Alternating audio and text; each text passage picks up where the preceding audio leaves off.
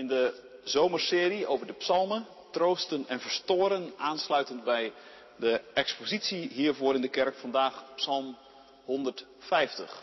Halleluja! Looft God in zijn heilige woning. Loof Hem in zijn machtig gewelf. Loof Hem om zijn krachtige daden. Loof Hem om zijn oneindige grootheid. Loof Hem met horengeschal. Loof Hem met harp en lier. Loof Hem met dans en tamboerijn. Loof Hem met snaren en fluit. Loof Hem met klinkende bekkens. Loof Hem met slaande cymbalen. Alles wat adem heeft, loof de Heer. Halleluja. Tweede lezing uit de brief die de apostel Paulus schrijft aan christenen in Filippi. Filippenzen 2, vers 1 tot 11. Nu u door Christus zozeer bemoedigd wordt en liefdevol getroost. Nu er onder u zo'n grote verbondenheid met de geest is, zoveel ontferming en medelijden. Maak mij dan volmaakt gelukkig door eensgezind te zijn. Eén in liefde, één in streven, één van geest. Handel niet uit geldingsdrang of eigenwaan, maar acht in alle bescheidenheid de ander belangrijker dan uzelf. Heb niet alleen uw eigen belangen voor ogen, maar ook die van de ander. En laat onder u de gezindheid heersen die Christus Jezus had. Hij, die de gestalte van God had, hield zijn gelijkheid aan God niet vast, maar deed er afstand van. Hij nam de gestalte aan van een slaaf en werd gelijk aan een mens. En als mens verschenen heeft hij zich vernederd en werd gehoorzaam tot in de dood, de dood aan het kruis. Daarom heeft God hem hoog verheven, hem een naam geschonken die elke naam te boven gaat, opdat in de naam van Jezus elke knie zich zal buigen, in de hemel, op de aarde en onder de aarde, en elke tong zal beleiden, Jezus Christus is Heer, tot eer van God de Vader. Derde lezing uit Openbaring 5, vanaf vers 6. Midden voor de troon, ziet en zegt Johannes, tussen de vier wezens en de oudsten zag ik een lam staan. Het zag eruit alsof het geslacht was en het had zeven horens en zeven ogen. Dat zijn de zeven geesten van God, die over de hele wereld zijn uitgestuurd. Het lam ging naar degene die op de troon zat en ontving de boekrol uit zijn rechterhand. Op hetzelfde moment wierpen de vier wezens en de 24 oudsten zich voor het lam neer. Ieder van hen had een lier en een gouden schaal vol wierook. Dat zijn de gebeden van de heiligen. En ze zetten een nieuw lied in. U verdient het om de boekrol te ontvangen en zijn zegels te verbreken. Want u bent geslacht en met uw bloed hebt u voor God mensen gekocht uit alle landen en volken van elke stam en taal. U hebt voor onze God uit hen een koninkrijk gevormd en hen tot priesters gemaakt. Ze zullen als koningen heersen op aarde. Daarna hoorde ik het geluid van een groot aantal engelen rondom de troon. De wezens en de oudsten, het waren er oneindig veel, tienduizend maal tienduizenden, duizend maal duizenden. En met luide stem riepen ze, het lam dat geslacht is, komt alle macht, rijkdom en wijsheid toe en alle kracht, eer, lof en dank. Elk schepsel in de hemel, op aarde, onder de aarde en in de zee, alles en iedereen hoorde ik zeggen, aan hem die op de troon zit en aan het lam komen de dank, de eer, de lof en de macht toe, tot in eeuwigheid. De vier wezens antwoorden, Amen. En de oudsten wierpen zich in aanbidding neer. Dit is het woord van God. Gemeente van Christus, broeders en zusters. Halleluja. Het psalmboek in de Bijbel eindigt met een explosie van lofprijzing. Halleluja. Looft God, loof Hem, loof Hem. Halleluja. Had dat misschien anders gekund, vraag je. Nou, in theorie natuurlijk wel. Niet elk boek en niet iedere film en niet iedere symfonie eindigt op dezelfde manier. Soms glijdt een hoofdpersoon zomaar weg uit een verhaal, de nevelen in. Soms eindigt een film in een grote crash. Soms eindigt een symfonie juist heel zacht en verstild. Dat kan allemaal. Maar dat het psalmboek eindigt zoals het eindigt, dat kan eigenlijk niet anders. Dat hadden we kunnen zien aankomen. Hoe dan, zeg je? Nou, je weet misschien dat de psalmen niet zomaar willekeurig geordend zijn. De details van die ordening zijn nog voor een groot deel een mysterie, maar op hoofdlijnen zijn wel een aantal dingen heel duidelijk. Zo heeft het psalmboek bijvoorbeeld vijf delen, die allemaal met een vergelijkbare lofprijzing afsluiten. Gelooft zij de Heer, de God van Israël. Amen, ja, amen. Dat terugkerende refrein vind je na Psalm 41, na Psalm 72 en na Psalm 89. De eerste drie delen dus. Na Psalm 106, het vierde deel, komt er nog een schepje bovenop. En wordt het Amen, Halleluja. En het einde van het vijfde deel overtreft alles. Daar is het Halleluja niet meer van de lucht. Het begint al bij Psalm 146. De laatste vijf psalmen van het psalmboek beginnen en eindigen allemaal met Halleluja. En zo dus ook Psalm 150. En tussen het Halleluja van het begin en het einde tien keer de aansporing Loof Hem. En in het Hebreeuws begint dat met hetzelfde grondwoord. In totaal hoor je dus in deze psalm twaalf keer een woord dat met Hallel begint. Voor alle twaalf stammen van Israël. Eén keer. En misschien mag je ook wel zeggen, voor alle twaalf discipelen van Jezus. En degene die in hun voetspoor gaan. één keer.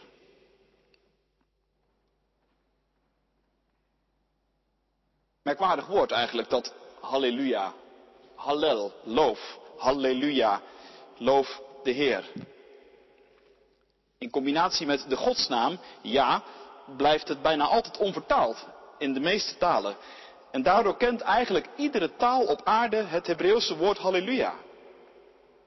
Alsof Bijbelvertalers aanvoelen dat het een woord is dat je alleen maar voorzichtig en met eerbied kunt benaderen. Omdat het eigenlijk niet te vertalen is.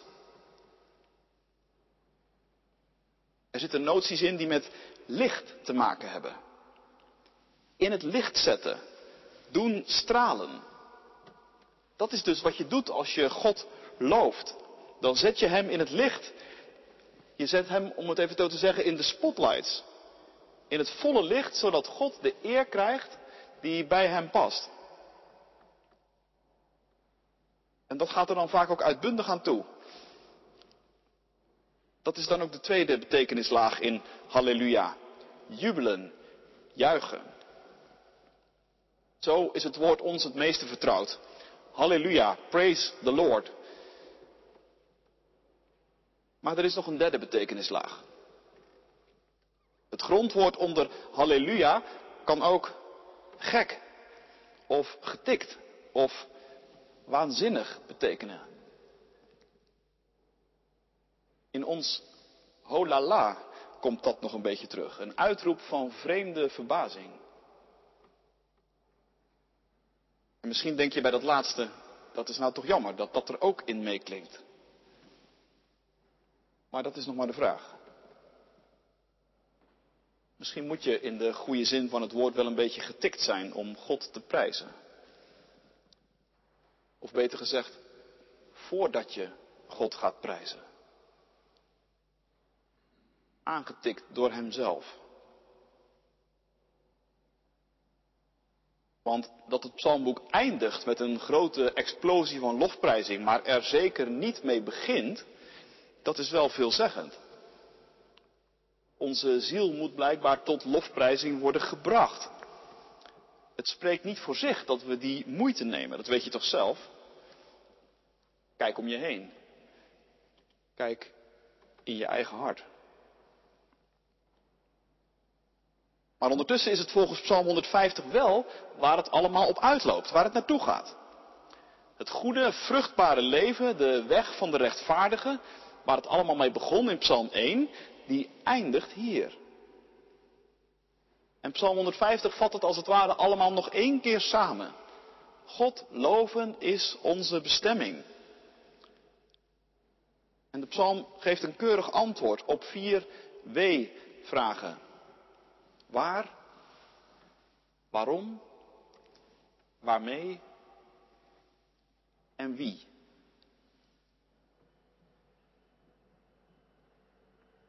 Vallend. Het begint dus met waar. Niet met waarom.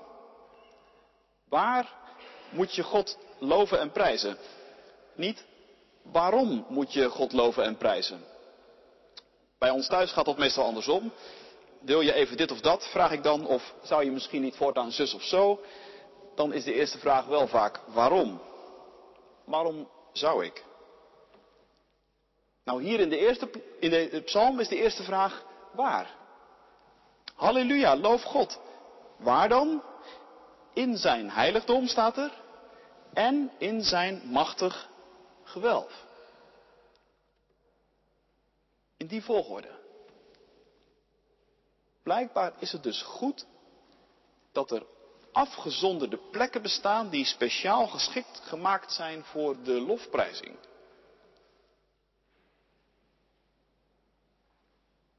Bij zijn heiligdom denkt Israël natuurlijk direct aan de tempel.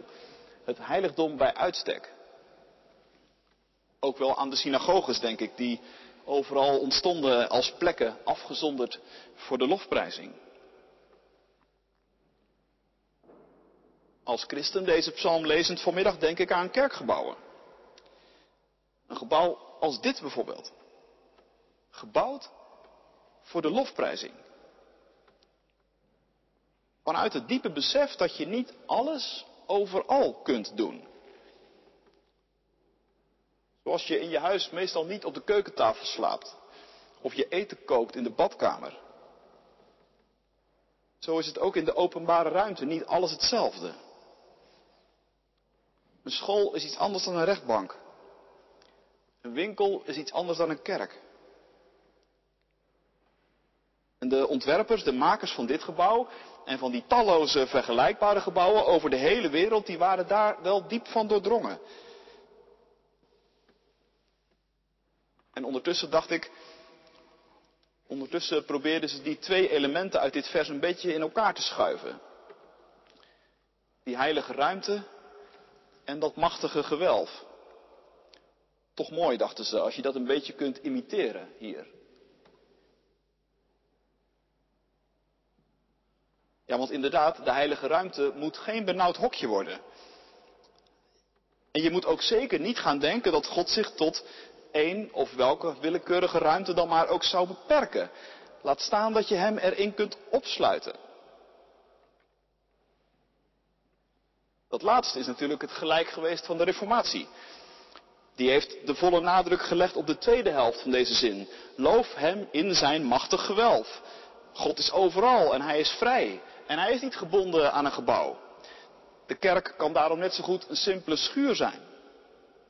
En bidden kun je even goed thuis doen of in de open lucht. Want de hele aarde is tenslotte van hem. En daar zit beslist een hele diepe wijsheid in. Maar, denk ik steeds vaker, wel een wijsheid die je vooral kunt begrijpen in tijden waarin heel veel mensen in de samenleving er toch wel van doordrongen zijn dat het goed is om God te prijzen. In onze tijd beginnen we juist het omgekeerde weer te beseffen. Dat het een zegen is dat er nog altijd plekken zijn die je heiligdom zou kunnen noemen. Plekken die naar boven wijzen als torens in de tijd. En als je op zo'n plek geweest bent, dan besef je het vaak weer. Dat inderdaad heel de aarde van Hem is. Halleluja, loof God in zijn heiligdom en loof Hem in zijn machtig gewelf. De lofprijzing zet je dus in de ruimte.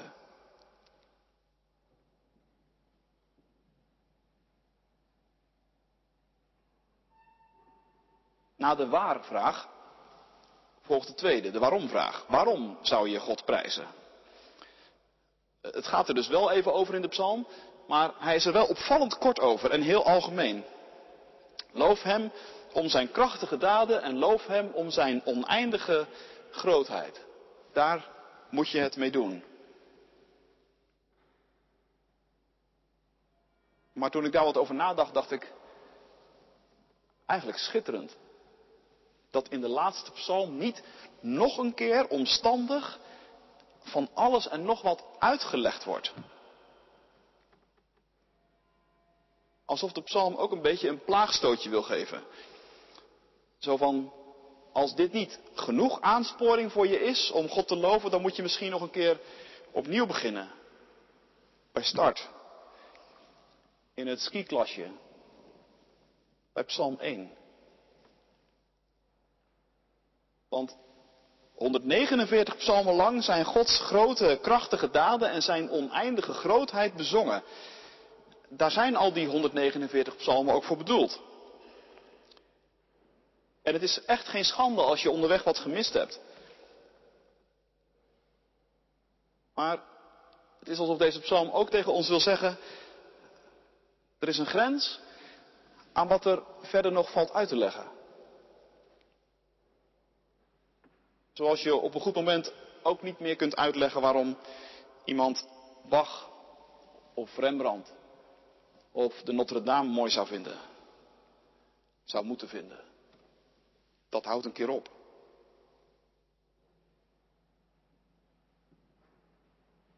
Ondertussen gebeurt er in die hele korte samenvatting nog steeds wel iets machtigs.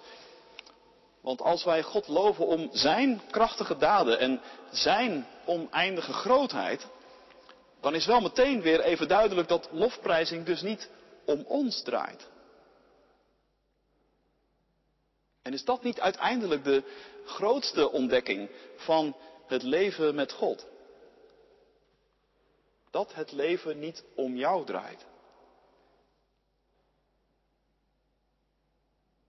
Sam Wells, bekende predikant uit Londen, vergelijkt christen worden vaak met een toneelstuk. Wie christen wordt, zegt hij, die gaat als het ware over van een toneelstuk met één bedrijf naar een toneelstuk met vijf bedrijven. In een toneelstuk met één bedrijf, zegt hij, moet alles in het ene bedrijf gebeuren.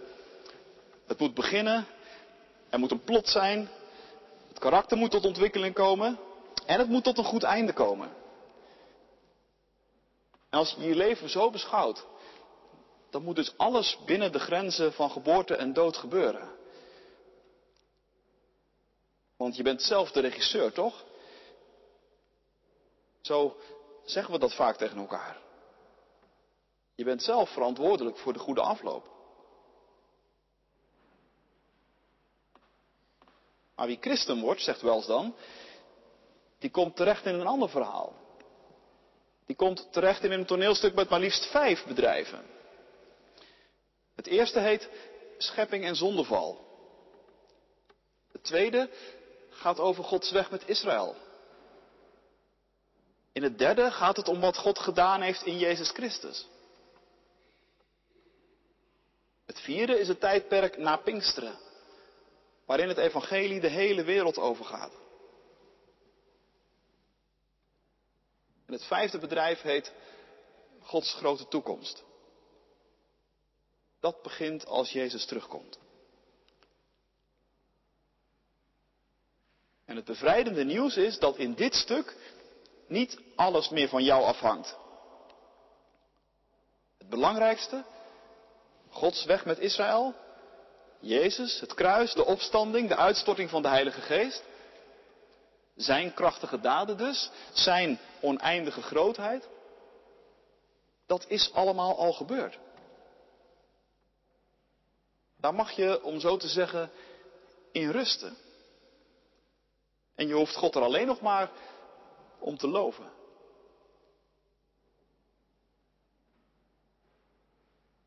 Dat is de bassnaar die trilt onder deze psalm.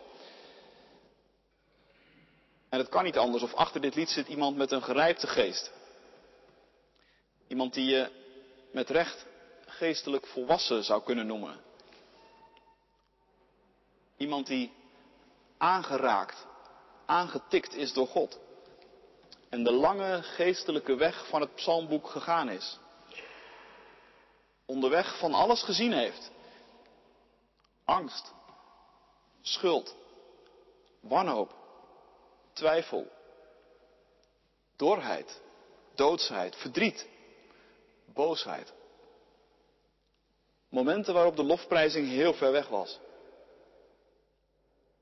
Maar die op een wonderlijke manier daar dwars doorheen de lofprijzing teruggevonden heeft. En ontdekt heeft dat in die end de machtige daden van God de doorslag geven en zwaarder wegen dan al het andere. En dat die je bevrijden van jezelf en van alles wat je met je meedraagt. Loof Hem, zegt deze psalm, om Zijn krachtige daden en om Zijn oneindige grootheid.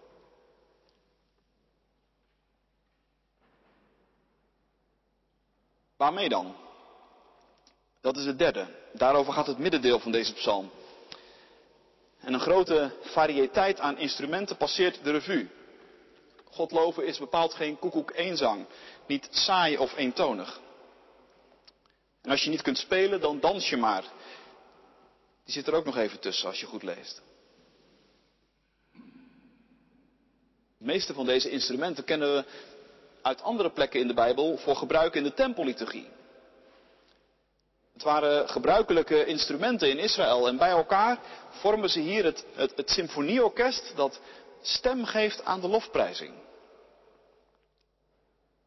Het begint met horengeschal. De ramshoren, de shofar, wordt geblazen. Het instrument dat de troepen bij elkaar riep in Israël en dat belangrijke feesten markeerde. Blijkbaar is de lofprijzing tot God van hetzelfde gewicht. Daarvoor moet iedereen bij elkaar komen, aantreden. En we moeten allemaal meedoen.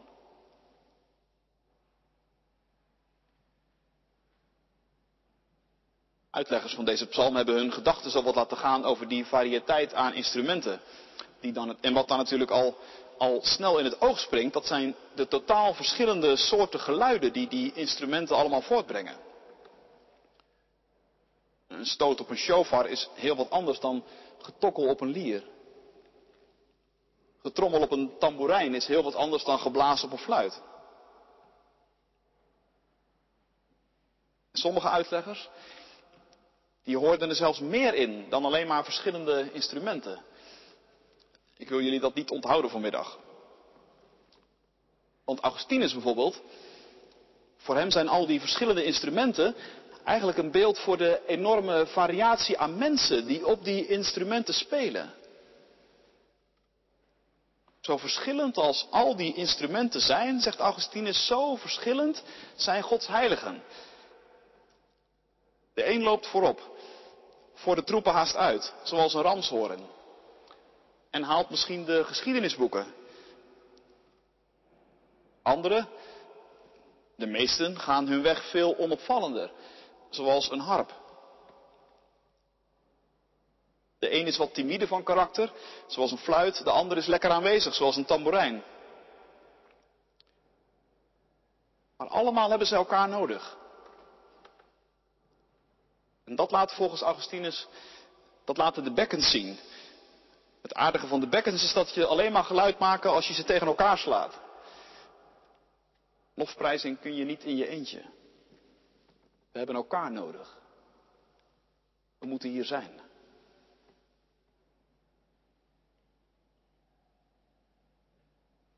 Luther. Luther dacht bij al die verschillende instrumenten aan de verschillende toonhoogten en registers waarop de Bijbel spreekt. En waarop de verkondiging van het evangelie klinkt. De bazuin, daar hoorde hij de verkondiging van de grote thema's van het christelijk geloof in. De geheimen van kerst, Goede Vrijdag, Pasen, Pinksteren. Die elk jaar weer verkondigd worden alsof er op een bazuin wordt geblazen. De harp,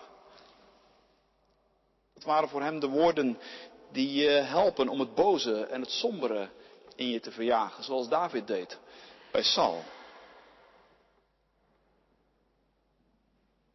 De doffe slagen op de trommel, die stonden voor de boeteprediking. Die je oproept om te erkennen dat je een zondaar bent voor God. In de rijdans zag, zag Luther een beeld voor de eenheid van de kerk. En het getokkel op de cymbalen, dat was de troost. De liefde. Gods onuitsprekelijke genade. Mooi toch?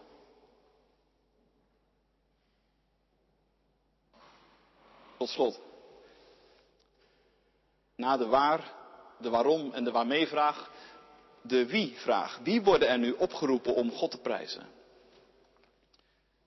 Nou, dat antwoord kan amper verrassend meer zijn.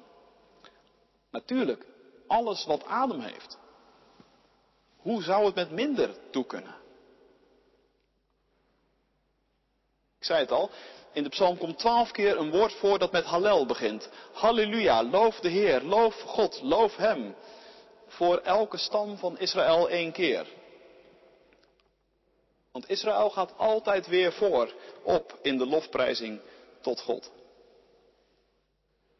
En wij, de kerk, gemeente van Christus, wij volgen. Als leerlingen van de twaalf discipelen. Maar dan zijn we er nog altijd niet. Want met Israël en de kerk zijn we wel een heel eind, maar er ontbreekt ook nog steeds heel veel. Vandaar die slotzin. Uiteindelijk gaat het erom dat alles wat adem heeft, God zal loven. En wat er allemaal onder dat alles valt, dat moet je maar eens goed bekijken op de verbeelding die J.D. Noordegraaf maakte van deze psalm. Hij hangt hiervoor en hij zit ook in de kerkapp. Alles wat adem heeft, loven de Heer.